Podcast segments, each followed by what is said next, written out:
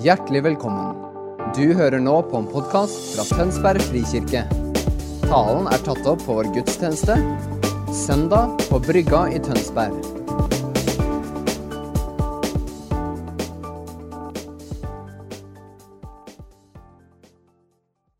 Jeg bare ber Jesus for alle de som ser på dette i dag, Jesus. Bare ber om at du kommer og møter oss i stuene våre. At du viser oss mer av den du er.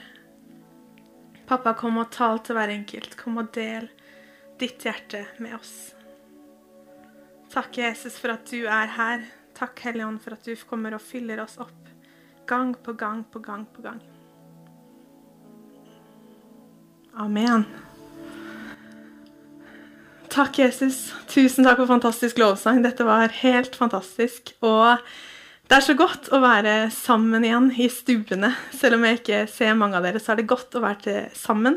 Og jeg har gleda meg skikkelig til i dag. Jeg har liksom, Det har bobla hele helga. Jeg har bare kjent at åh, Gud, dette, det er, han har lagt et budskap i hjertet mitt som jeg kjenner at jeg gleder meg skikkelig til å dele.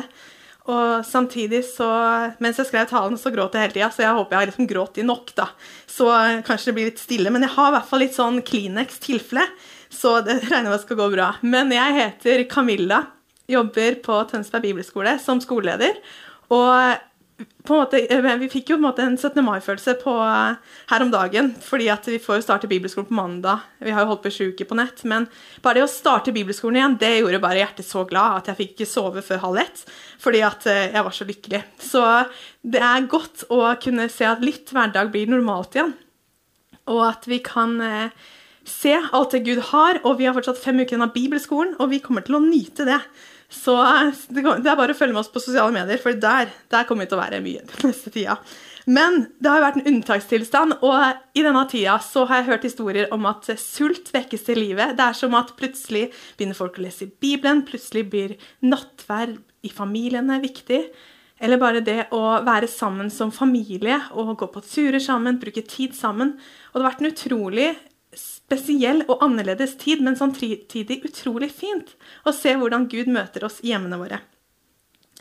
Og eh, jeg så en morsom film her om dagen. Det var sånn, ja, det var en eh, musikkvideo som handla om at eh, jeg trodde jeg ikke hadde tid til å rygge, rydde garasjen. Men så fant jeg ut at jeg hadde jo nok tid, fordi at når korona kom, så plutselig hadde jeg masse tid, og da gadd man ikke. Og Da skjønner man på en måte at eh, hva er prioriteringene våre? Er det tida det er noe galt med, eller er det bare at vi ikke gidder? Så det har jeg i hvert fall funnet ut. Jeg har ikke rydda boden siden sist, og har brukt mye tid på å gå tur, og også til å se enda mer av det Gud har. Og um, det er som han, eh, Daniel Kolenda eh, han er et av mine forbilder, og han sier selvtilfredshet er en av de største farene i kristenlivet. Fordi man så lett faller inn i den, som i en drøm, er det vanskelig å oppdage den uten en brå vekking.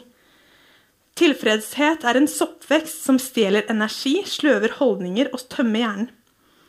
Første symptomet på selvtilfredshet er at man er fornøyd med tingenes tilstand.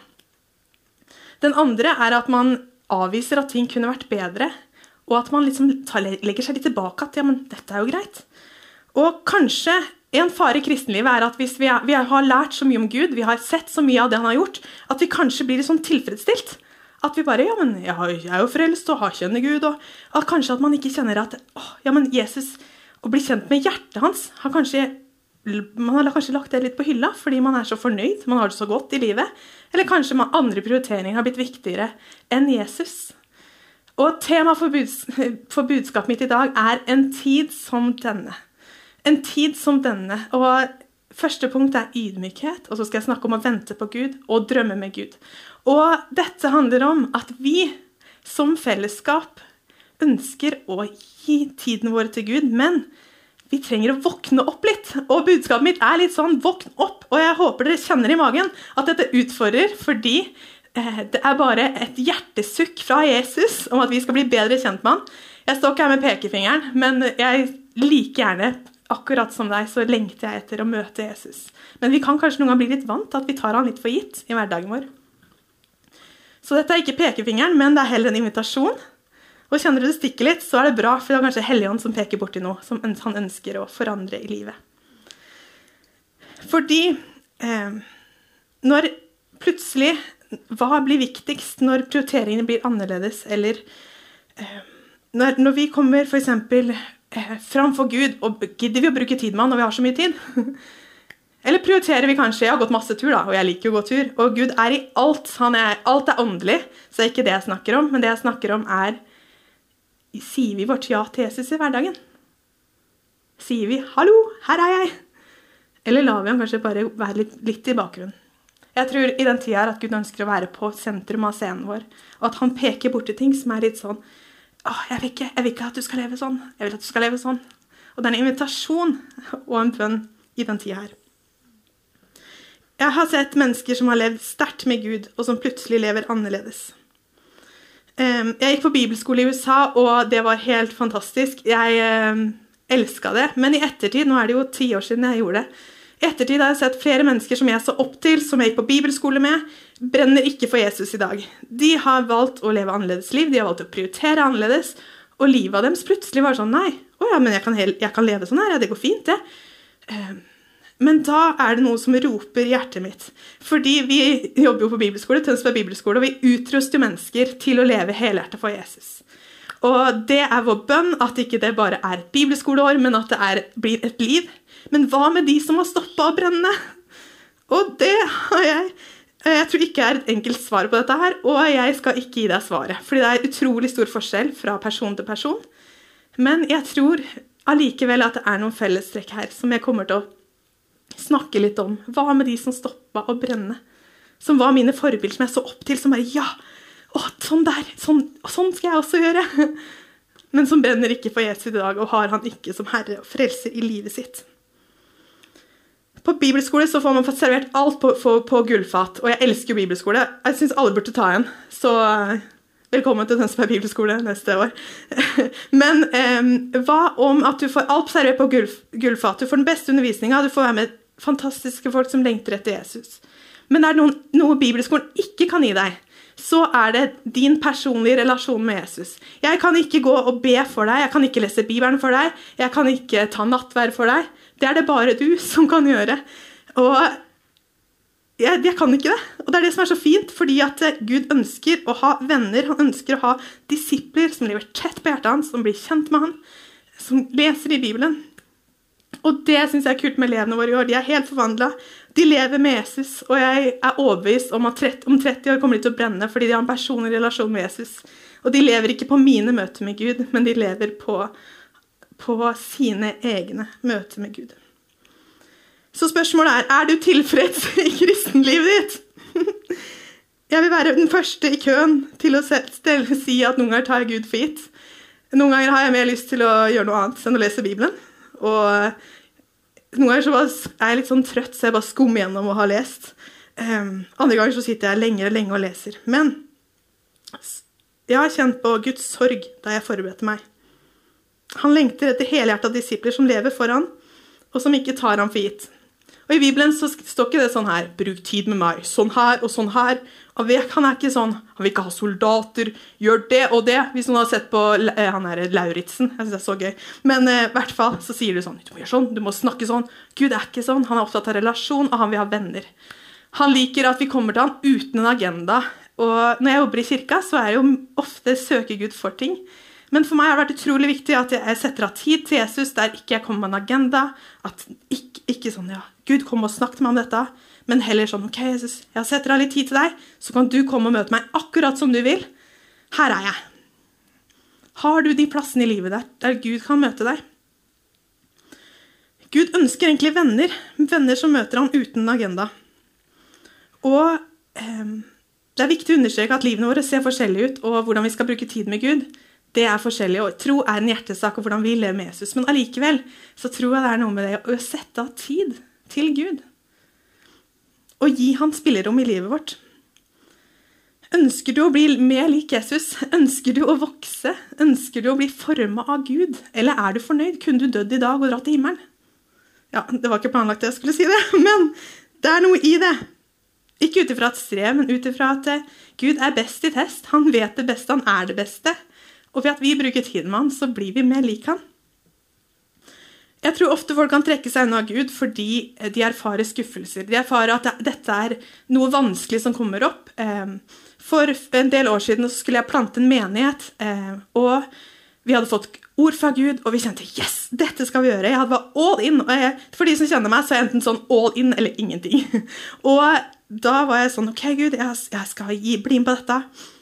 Og så erfarte jeg at det skjedde ikke. Og når jeg skjønte at den drømmen gikk i, i knas, så bare gråt jeg og gråt jeg. Og det var ikke sånn bare noen uker, men det var flere måneder med prosess, og det var vanskelig. Gud, du har sagt dette. Hvorfor skjedde ikke det?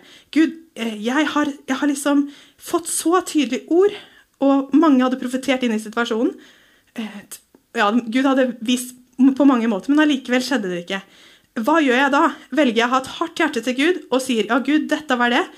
Eller velger jeg å si Gud, her er hjertet mitt, dette gjør sykt vondt, jeg skjønner ingenting.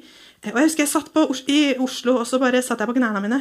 Og jeg gråt og gråt og gråt, for jeg bare Gud, ja, men dette vil jo du! Du vil jo se Oslo bli forvandla! Og det var helt rått. Jeg tror det ville vært helt rått, men det skjedde ikke. Da valgte jeg å komme til Gud og være ærlig. Samtidig hadde jeg nære venner som talte inn i livet mitt, som talte håp. Dette er det du skal. Og i ettertid så er det jo lett å si ja, ja, Gud var med i prosessen, men der og da så var det vanskelig. Og da valgte jeg heller å komme til Gud og si ok, her er hjertet mitt. Nå gjør det vondt. Dette gjør innmari vondt.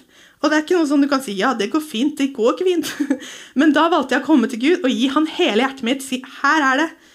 Ta tårene mine, ta alle de vanskelige spørsmålene som jeg ikke forstår. De profetiske ordene som ikke har sett komme til oppfyllelse enda, men her er det. Og det erfarte jeg at Gud møtte meg i det, at han har helbreda hjertet mitt. og han, han er jo ikke sånn når ting ikke skjer, så skjer det noe annet. Men da har man et valg. Og jeg tror ofte det er der folk stopper. da. Man stopper med spørsmålene at Gud, du, du ga meg ikke det, det, det. Derfor velger jeg å trekke meg unna. Eller så kan du velge å si Gud, jeg er her. Jeg er her med hele meg. Jeg har masse spørsmål. Her er det. Kom og møt meg. Og i det så møter Gud deg.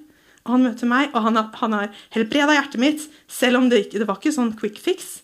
Men gang på gang så gjorde det at ok, Gud, jeg, jeg skal igjen våge. Når du sier gå, så går jeg. Jeg skal ikke tvile, uansett om det kan bli en vanskelig prosess seinere. Jeg går. Og det har gjort at relasjonen min med Jesus er, er dyp, fordi han kjenner meg, fordi han vet når jeg har det vondt, han vet når jeg har det godt, og han er til stede. Eh, Vi er ikke perfekte folk, men han er til stede for oss. Eh, Åpenhet i relasjoner er utrolig viktig, og med mine beste venner, de vet alt. Og de kjenner meg, og det er så deilig. Det er sånn, og det gjør at i relasjoner så har vi et valg. Ønsker vi å gå nærmere hverandre, eller ønsker vi å gå fra hverandre? Og det kan skje sakte, men sikkert hvis man ikke tar opp ting og har noe som skurrer i relasjonen som gjør at det, Å, den såra meg. Nei, jeg sier ingenting om det. Det gjør at man bare trekker seg sakte, men sikkert unna. Men hvis man velger heller åpenhet og sier ok, her, dette gjør vondt, du har såra meg, så trekker man seg nærmere hverandre. Akkurat sånn er det med Jesus. At det trekker vi oss nærmere han når vi har det vanskelig, har spørsmålene, eller trekker vi oss fra han? Gidder vi å lese Bibelen? Trekker vi oss nærmere han? Eller bare trekker vi oss litt unna? Blir vi litt sløvere? Og akkurat i det så har vi et valg å komme nærmere Jesus. Og da tror jeg det er så viktig med fellesskap, at vi trenger, har familie, venner som stiller opp, som er sånn OK, jeg, backe, jeg backer deg i det. Som du har noen å stille de vanskelige spørsmålene med, de vanskelige prosessene som du ikke forstår. Men du har bare en heiagjeng som sier at vi skal gå sammen. Og det er styrken av å være i en menighet. Fordi at vi kan velge å ha et hardt hjerte eller et mykt hjerte.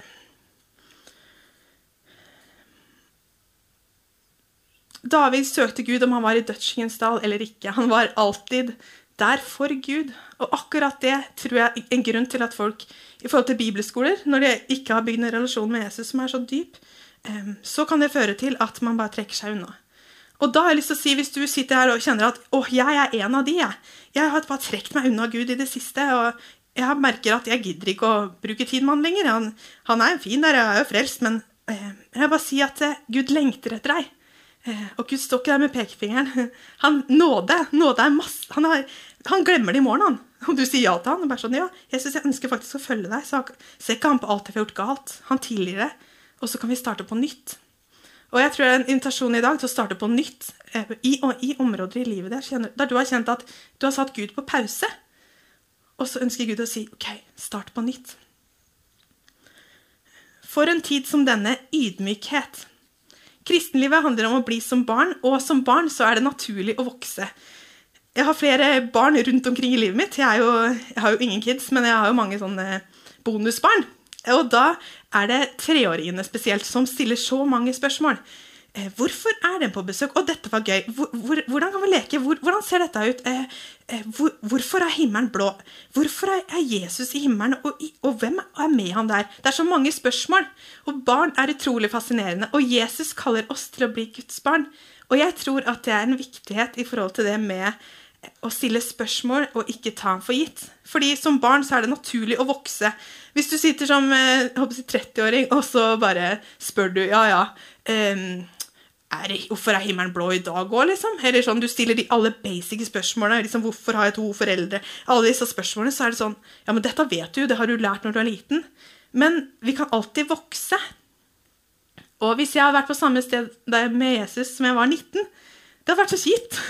Fordi at vi kan alltid vokse hele livet. Og når jeg er 90, så gleder jeg meg til å se hvor jeg er med Gud. Fordi det hadde vært kjipt hvis jeg var sånn Dette var toppen. Men med Jesus kan vi alltid vokse med han. Og han tar oss med på en reise som er langsiktig. Og han lærer, lærer oss steg for steg for steg. Eh, Gud, hva er viktig for deg? Eh, jeg kan ikke alt. Og en viktighet Jesus, eh, Jesus var ydmyk av hjerte. Og disiplene også, de hadde jo masse spørsmål. og de, Noen ganger så gjorde de jo ting skikkelig bra, andre ganger gikk det skikkelig dårlig. Men så hadde Jesus rom for dem, og bare at han ydmykt hjerte og si at vet du hva, jeg skjønner ikke alt, jeg forstår ikke alt, men jeg velger å være med på denne reisen. Jeg velger å ha lyst til å lære mer. Ikke ut ifra et jag at må lære, men ut ifra en sult. Og det er stor forskjell. En, nøkkel å vokse med Gud er å si 'jeg trenger deg', jeg ønsker å forstå hvem du er. Det tar hel liv, et helt liv og en hel evighet å forstå Gud. Andre steget er å invitere Gud til å lære hvem han er. Og så be Gud om å vekke opp sult, fordi at hvis vi ikke kjenner at vi er sultne i kristelivet, så hjelper det å be. Så Jesus, vet du hva, jeg er ikke sulten, vet du hva, jeg har egentlig ikke lyst til å bruke tiden her, jeg, Gud. Det har jeg sagt til han mange ganger. Nå har jeg ikke lyst. Og så sier jeg det bare til ham, og så er det noe som skjer i hjertet mitt etter hvert, at jeg får lyst. Eller det er sånn der, du bare kjenner at sulten vokser, da. Eller du er rundt mennesker som Er du ikke sulten? Vær rundt mennesker som er sultne, og det vil prege deg. Um, og da blir det viktigste viktigst. I denne tida så er det noen ting Det er en oppvåkningstid. Noen tid, ting er mer liv i. Jesus viser hva som er liv i, og hva som er død i. Og han omprioriterer ting i livene våre som er sånn Hvordan skal vi prioritere? Hva er viktig? Og det er som at Jesus blir sentrum i livene våre. At det enkleste er det enkle. At vi at liksom, det å bruke tid sammen, det å bruke tid med Jesus Den enkle disippellivet er det Gud kaller oss til. Han oppdrar oss til å ligne mer og mer på han. Og um, hvis man kjenner at man er tilfredsstilt, så er det ingen fordømmelse. For jeg tror man ofte går i faser i livet. Noen faser er sånn kjempesultne på Gud, andre faser er når vi ikke er sultne på Gud. Men hva gjør vi i de fasene når vi virkelig ikke er sultne? Da kan vi posisjonere oss for å ta imot fra Han og til å bare sakte, men sikkert bare få litt bensin på bensinkanna. Jeg vil invitere deg på en reise der vi utforsker Gud sammen. Har du hatt Gud på sidelinjen, så kan du invitere han til å bli midt, midt, øh, midt på, bli den personen på midtbanen av livet ditt. Um, og at noen ganger kanskje vi må omprioritere litt. I enhver vekkelse så har det vært omvendelse. Og i den tida her så er det som om at Gud viser oss hva vi trenger å omvende oss fra. Jeg har snakka med flere som har sagt oi, jeg gjorde dette, jeg ønsker ikke å gjøre det lenger. Men det er som at omvendelse er veldig viktig i den tida her. Det står i andre krønikerne 7,14. Hvis da mitt folk, som er kalt med mitt navn, ydmyker seg, ber og søker mitt ansikt og vender om fra sin onde ferd, da skal jeg høre fra himmelen og tilgi deres synd og lege deres land. Å ydmyke seg ved det vil si å legge ned det som er vårt, og for å få tak i det som er hans. Noen ganger ser det ut som at jeg tok feil, unnskyld, og jeg velger å gå videre. Bibelen sier at å ydmyke seg, da skal vi glede oss i rik fred. Så det var at når vi er ydmyke, så bare får vi masse tilbake. I Salme 25,4 så står det Vis meg dine veier. Led meg i din sannhet og lær meg, for du er min frelsesgud, på deg venter jeg hele dagen. I vers 9 så står det God og rettvis er Herren. Derfor lærer han syndere veien, han leder den ydmyke i rettferdighet, og han lærer den ydmyke sine veier. Alle Herrens stier er trofasthet, og sannhet mot den som holder hans pakt og hans vitnesbyrd. Det er så deilig at det er Gud som leder oss. At han er den som baner vei, han er den som går foran oss. Men vi som barna hans kan bare komme etter, og så følger vi etter han, som er veiviseren i livet vårt. Når vi lar han forme oss, så blir vi mer og mer lik han. Det betyr ikke at vi får et perfekt kristenliv, det kommer vi aldri til å ha. Men det betyr at vi får et eh, godt liv med han, og at han er med oss i oppturer og nedturer. Han er som en GPS som sier ta han, ta han til høyre. Om 200 meter, ta han til venstre. Han, han, viser oss hele tiden veien vi skal gå. Og det er deilig. Og noen ganger så tar man det for gitt, for det er så lett for oss å høre Guds stemme. Og mange av oss vet ikke at vi kan høre Guds stemme, fordi det, er så normalt for oss. Fordi hvis vi har kjent Jesus hele livet, så er det ofte at vi bare følger han. At det er noe i hjertet vårt som bare er tuna med hans hjerte. Det står i eh, vers 13 Hans sjel skal få bo i godhet, og hans etterkommere skal arve jorden. Dette var ydmykhet. Det var, og så neste punkt er å vente på Gud. Jeg vet ikke om du er glad i å være på venteværelse, sitte på legens kontor også, eller på andre steder, og så må du vente. Jeg liker ikke å vente. Jeg liker å at ting skjer litt fort. Jeg er en veldig produktiv person, så jeg liker at uh, ting blir gjort skikkelig, og at man blir bare sånn Bare kjører på. Og det å vente på Gud har vært en prosess for meg å lære og, og, og lære at det er det beste for oss. Å vente på Gud kan se veldig annerledes ut. Men en kristen disiplin er å vente på Gud, og det er en grunn til at det heter 'vente på Gud'. Det står ikke 'løpe for Gud', men så 'vente på Gud'. Og hvordan ser det ut i livet ditt? Det ser kanskje ut som at du ønsker å vente på Klarer du å vente på smågodt på lørdag? Det klarer ikke alltid jeg. Men eh, hvordan ser det ut å vente på han? For min del så ser det ut som at eh, jeg prioriterer tid. Eh, fordi hvis ikke jeg setter prioriterer tid, så, så, flyr tida mi. Og så, nå er jeg, jo, jeg er jo avhengig av å vente, jeg bruker tid med Gud, så jeg bruker masse tid med Gud. Eh, men det har ikke alltid vært sånn. Og det har vært en prosess. Jeg har lært å bruke litt og litt og litt tid. Og så, og så blir det livsstil. Og det er noe med å starte i det små. Jeg går ofte turer med Jesus, og da er det sånn eh, ganske seint, så kanskje noen har sett meg langs eh, veien. Synge litt. Nei da. Um, jeg har gjort det òg. Men, eh, men be, eh, be, litt, eller bare høre på lovsang. Og de turene har forma meg skikkelig. Og um, noen ganger så bare setter jeg av tid til Gud, så er ikke det sånn. Det er deilig når venner møter deg uten agenda, at du skal få noe ut av dem. Men at du bare får være deg sjøl. Du får nyte fellesskapet, være sammen. Og det er godt. Akkurat sånn liker Jesus også at vi kommer til han og bare sier 'Her er tida mi'. Og så er det ikke alltid sånn jeg er med Gud og føler sånn! Å, dette var fantastisk! Eh, liksom, noen ganger så er det sånn Ja, dette var fint. Jeg har, lest, jeg har lest Bibelen, fått til meg noen sannheter. Dette er bra. Men at jeg ikke har fått sånn Wow! Jeg liker de wow-momentene med Gud. Det er bare tårene triller, og det skjer jo ofte. Men, men som veldig ofte når jeg bruker tid med Gud, så er det bare at jeg er man. Og det er, det er, jeg tror det er viktig i den tida her at vi ikke tenker på produktivitet. Produktivitet er viktig, men det viktigste er at vi velger å bruke tid med han. At det er produktivt nok. Og det kan ganger føles ikke så produktivt, men jeg tror vi blir enda mer produktive av å være og lære oss å vente på Gud. Og det kan være noe at man blir litt utålmodig.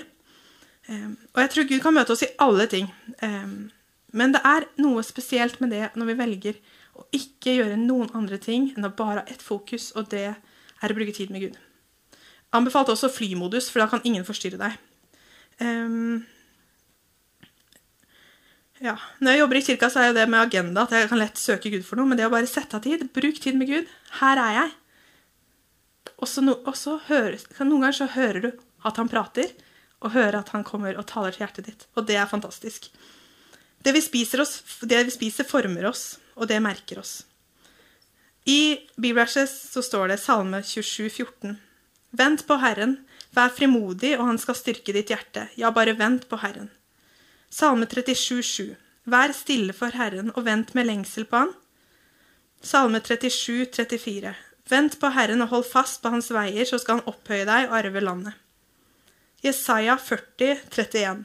Men de som venter på Herren, får ny kraft, de løfter vingene som ørner. De løper og blir ikke utslitte. De går og blir ikke trette. Å vente på Gud er nøkkel i kristenlivet vårt. Og i kulturen vår er vi så opptatt av underholdningsverdi at vi skal få et mye ting til, vi skal bli underholdt.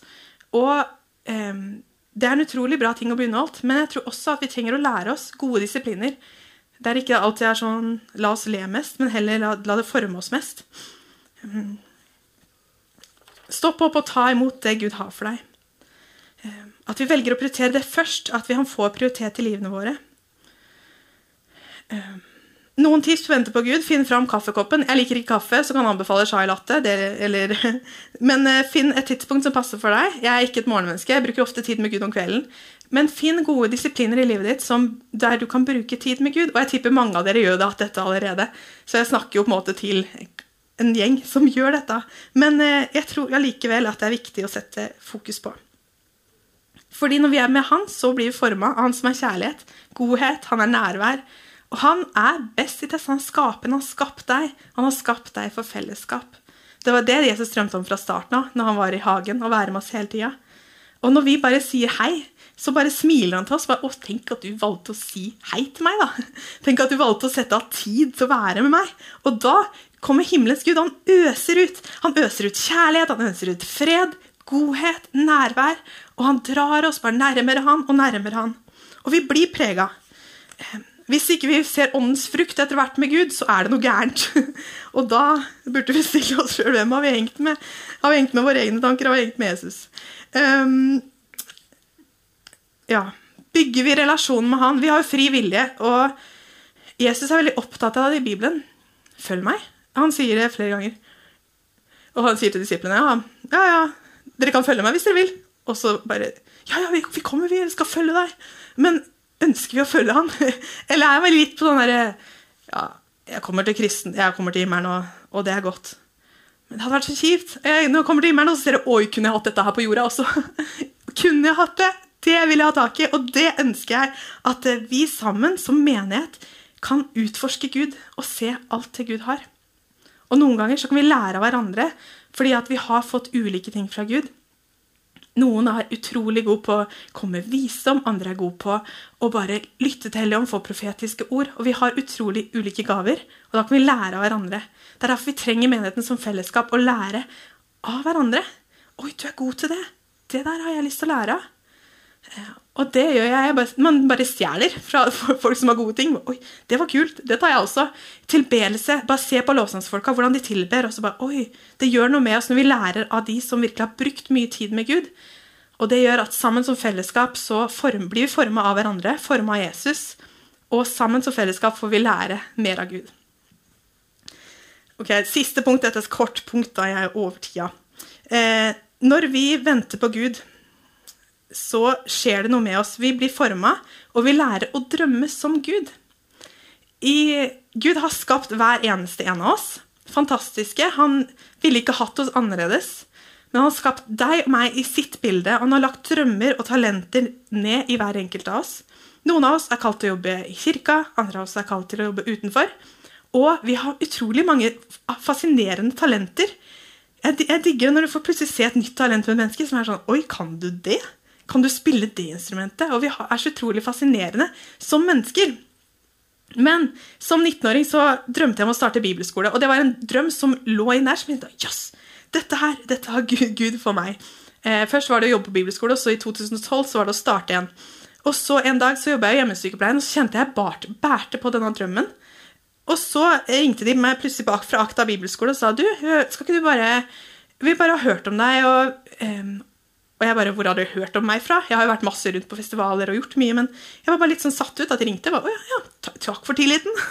og så sa, eh, sa, de bare ja, ja, vi har lyst ut for deg til å jobbe eller vil du jobbe på Akta et år. Og jeg, jeg, var jo all in her, og jeg ville jo ikke dra. Så det var en veldig vanskelig prosess. Men så, um, med et godt team rundt, så var det sånn OK, jeg skal dra ett år på utlån.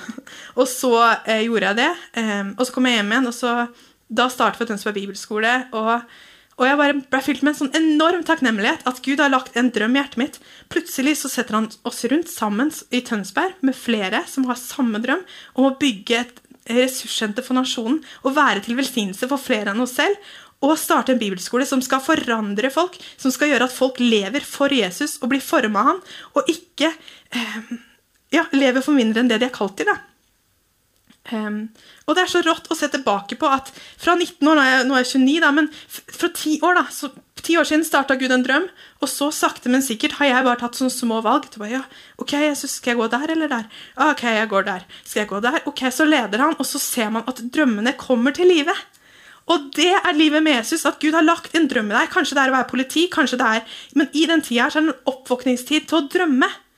Eh, og at noen må kanskje bytte ut utdanning. At, had, at, du kjenner at Oi, eh, mormor sa det rett før død. Det er ikke sånn Hun sa jeg angrer på det jeg har gjort, og det jeg ikke har gjort. Men hun, hun hadde en fantastisk liv, da. Men eh, jeg tror bare man begynner å reflektere mye på slutten. Men jeg tror man reflekterer over hva Turte jeg å gå for drømmene mine? Eller bare tenkte jeg at nei, jeg får, jeg får bare forholde meg til det her, for dette er jo trygt. Men jeg har lyst til å utføre deg. Og jeg tror flere, Helland kommer til å tale til flere av dere. At eh, hvilke drømmer er Guds drømmer for livet ditt? Og da er det eh, noe å ikke høre på frykt, men høre på Gud. Og la deg bli prega av Han. Det er en tid for å ta sjanser, det er en tid for å lytte til Gud. Og når du bruker tid med Gud, så lærer du å drømme som Gud og bli forma av Han. Ehm, ja, så drøm stort. Ingenting er umulig med Gud. Og han har store planer for livene våre. Og det går ikke ut, fra at vi er så perfekte, eller, men det er mer at han elsker å drømme med barna sine. Når en, ehm, for eksempel faren min, da når jeg har bursdag, han elsker å gi meg det jeg har lyst på. Akkurat sånn er det med Gud, at han har lagt drømmer ned i livene våre som er sånn Ja, dette har jeg for deg. Skal du være med å forandre den businessen for Jesus? Skal du være med å bety en forskjell her? Å drømme er viktig. Og nettopp i den situasjonen vi er i Norge, med en helt annerledes tid, så gjør at vi har fått tid, flere av oss får tid til å tenke og da har jeg lyst til å utfordre deg drømmer du stort nok?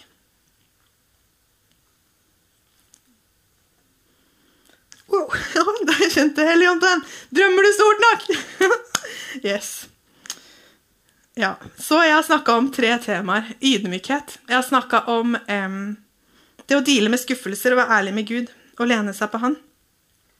Det er en tid for å vente med Gud og la Hans hjerte forme vårt hjerte. Og det er en tid for å drømme. Eller hans drømmer blir våre drømmer. Jesus ønsker det beste for deg. Han står ikke med pekefingeren, men han står med hendene åpne med et stort smil og sier, 'Har du lyst til å bli bedre kjent med meg?' 'Har du lyst til å bruke tid med meg?' Han er alltid på tilbudssida. Når du står fast, når du er frustrert, når du er sinna, når du har det vanskelig, så står Gud med åpne armer og han sier, 'Her er jeg. Jeg elsker deg. Jeg elsker deg, og jeg elsker deg.' Han elsker den du er, han er stolt av deg, han er imponert av deg, og han ønsker å gi deg det beste. Ønsker du å ta imot fra han? Ønsker du å, Kanskje har du vært på sidelinja og kjenner at den talen her kommer, ja, den utfordrer ganske mye. Da har jeg lyst til å si at eh, gratulerer. Du kan komme nærmere Jesus, og du kan komme nærmere Gud. Han ønsker bare å gi deg sitt beste, og gi deg fra sitt hjerte. Han ser ikke etter soldater. Han ser ikke etter folk som har alt på stell, men han ser etter venner. Ønsker å være vennen hans. og for meg med mine venner så eh, Jeg elsker å prioritere tid med mine gode venner. Og da er det sånn OK, du får tida mi, fordi at det er det beste jeg kan gi. Akkurat som med Jesus er det ønsker vi å gi han tida vår. Det kommer til å være litt andre prioriteringer, òg, men det er verdt det. Jesus spurte Peter Jeg skal lese dette til slutt, en bibel er skjær.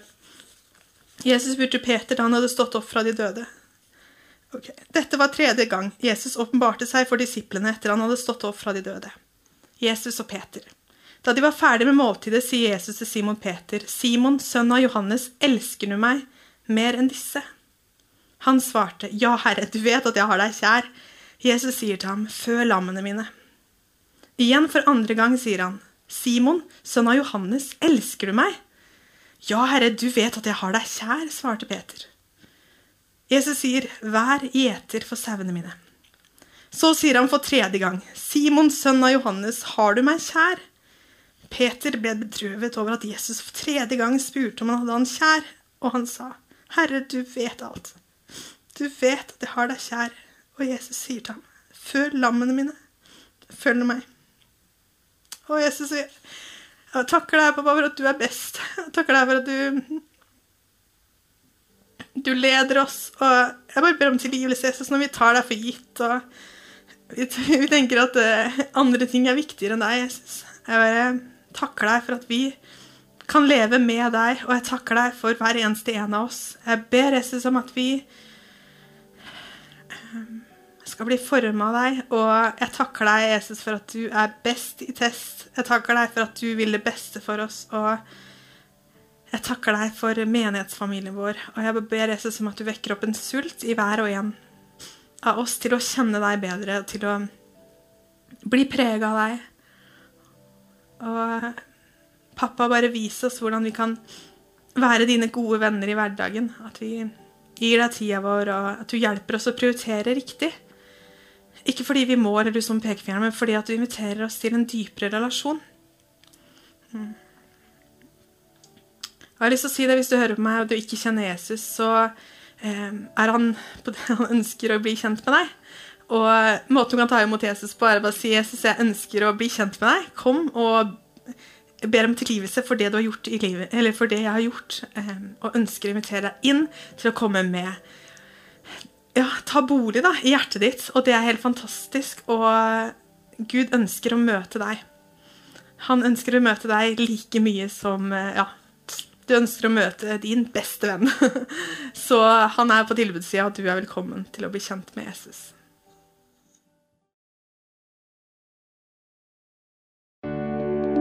Takk for at du hørte på vår podkast.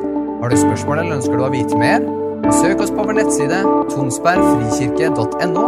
Du er også velkommen til kirke på Brygga i Tønsberg.